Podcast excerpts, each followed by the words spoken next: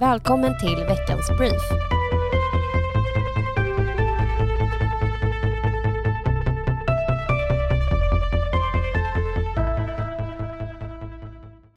Under veckan har den rödgröna koalitionen i Stockholms stad släppt en ny budget.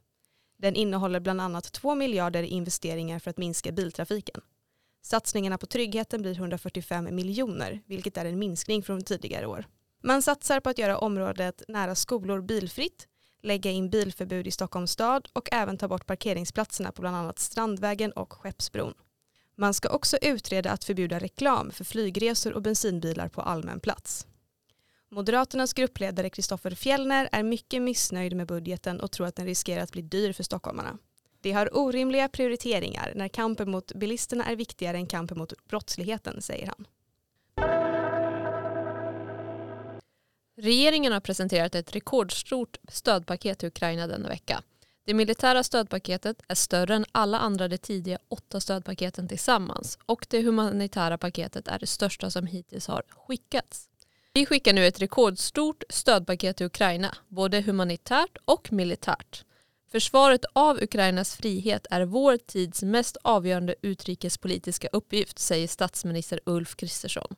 Det nya militära stödpaketet planeras innehålla ett kvalificerat vapensystem för luftförsvar inklusive kvalificerad ammunition samt kvalificerad ammunition till ytterligare luftfartssystem. Personterrängsbilar, personlig utrustning inklusive vinterutrustning och kroppsskydd, riktmedel, tält och maskeringsnät. Det humanitära och akuta biståndsstödet ska bidra till att hjälpa Ukraina och Moldavien att ta sig igenom en vinter som av allt att döma kommer att bli tuff för länderna. Det ska hjälpa de allra mest utsatta med tillgång till mat, vatten och sanitet, vinterutrustning, filtar och värmekällor. Stödet ska också bidra till att börja lägga en grund för det enorma återbyggnadsarbete av samhällsinfrastruktur som väntar i Ukraina. Och till sist, nu har årets julklapp presenterats. Det blir många mjuka paket under granen i olika former. Årets julklapp är nämligen det hemstickade plagget. Tanken med årets julklapp är att det behövs en klapp som representerar värme och omtanke efter ett år av ekonomisk oro och krig.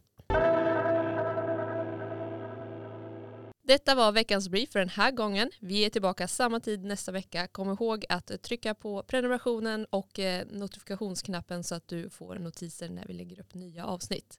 Vi ses nästa vecka.